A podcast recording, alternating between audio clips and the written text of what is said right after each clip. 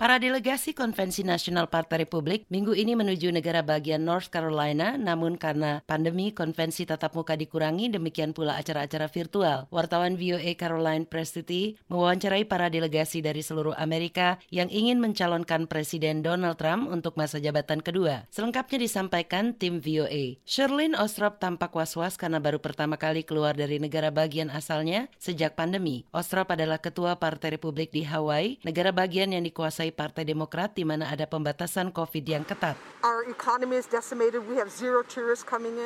Ekonomi kami hancur, tidak ada turis yang datang, restoran tutup, warga mengatakan ini bukan yang diharapkan dan tidak akan bisa berlangsung terus-menerus. Ini juga menjadi tantangan bagi pengikut Partai Republik di negara bagian Oregon yang sejak lama dianggap liberal, di mana Portland sudah tiga bulan dilanda demonstrasi Black Lives Matter. Bill Courier berkata bahwa Presiden sudah melakukan tugasnya untuk mengakhiri demonstrasi itu. When he uh, offered to help with uh, national or federal resources in Portland to calm or quell the riots and so on. Ketika ia menawarkan bantuan sumber daya nasional atau federal di Portland untuk menenangkan atau menghentikan kerusuhan dan lain sebagainya, wali kota dan gubernur pada dasarnya menolak.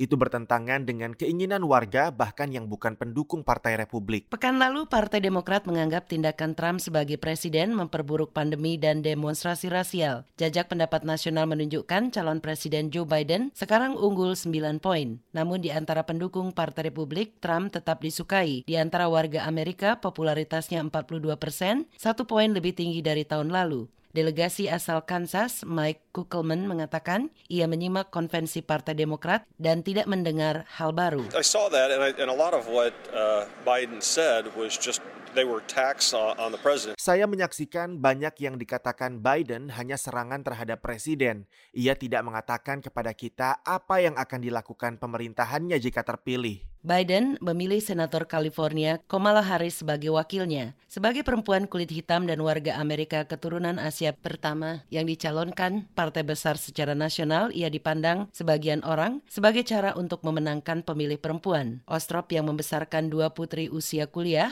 meragukan pilihan itu efektif. I'm not an identity politics person. Obviously, I'm a daughter of immigrants. Saya bukan orang yang menyukai politik identitas. Jelas saya adalah putri imigran. Saya bertugas di militer. Saya perempuan kulit berwarna. Tak satu pun dari hal itu penting untuk menjadi alasan memilih atau memperkenalkan kandidat. Partai Demokrat juga berkampanye di dekat lokasi konvensi, berupaya mengubah pandangan warga tetapi usaha ini tidak mempengaruhi Michelle Hon.